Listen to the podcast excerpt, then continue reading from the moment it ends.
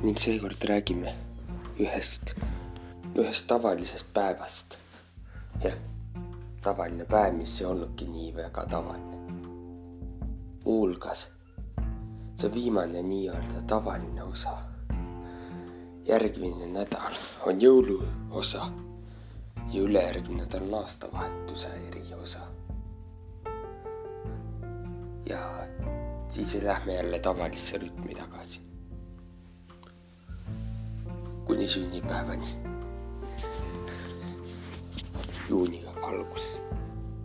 jah, hakkame siis pihta. tavaline päev. see algas nagu tavaline päev, üks tavaline päev. ma kasutasin oma laptopi, arvutit, et lugeda kummituslugusid. kui ma hakkasin järsku hakkasin kuulma, et väikesed tüdrukud naeravad minu toas. ma olin natuke hirmul.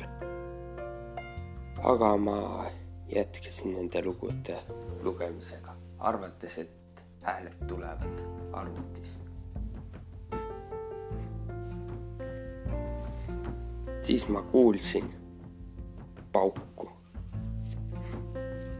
ma pöörasin ümber ja vaatasin oma tuppa ja seal oli midagi, mis vaatas mind vastu. igalt poolt läks külmaks, igale poole tulid külmad kohad ja kummitus lahkus. ma jooksin karjudes toast välja. ja see ei olnud ainuke kord, kui selline asi juhtus. ja ei olnud ka ainuke kord kui ma jooksin kummitusest minema. ükskord oli eriti õudne. ma kasutasin kummitusnägede nägemiseks mingit asja, aparaati.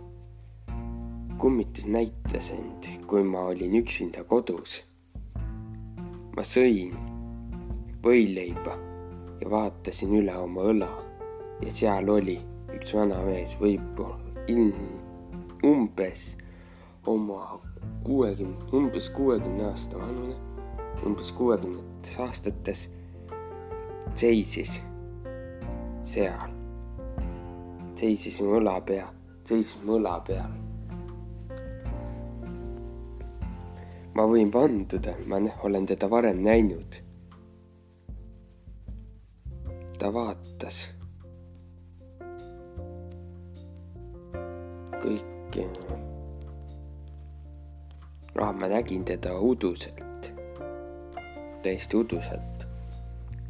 ta hakkas nutma. seetõttu ma küsisin talt, kas tal on kõik okei okay.. ma mäletan, ma kasutasin mingit, mingit asja, et kummitusi näha, siis ma kasutasin et näha kummitusi. seetõttu ma ei olnud hirmul. ta vastas, jah, nüüd ma, nüüd ma olen. nüüd ma olen korras. ja siis ta kadus. siis ma seetõttu hakkasin oma maja ajalugu uurima ja avastasin maja ajaloo ja jah, inimesed on seal surnud ja mis tõesti oli väga õudne selles kohas. see oli mees, keda ma ei teadnud ja kes vaatas mind just siis, kui ta seda kirjutas, seda ütlusi. ja ta on, ta seisab minust paremal.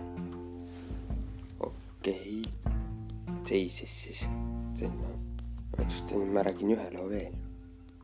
selle loo pealkirjaks on Kojutulek. ja autor ütleb, et see on lugu, mida rääkis mulle mu vend. see juhtus ajal,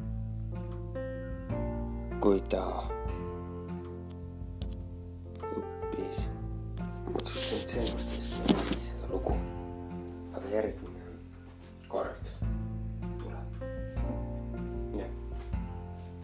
vai.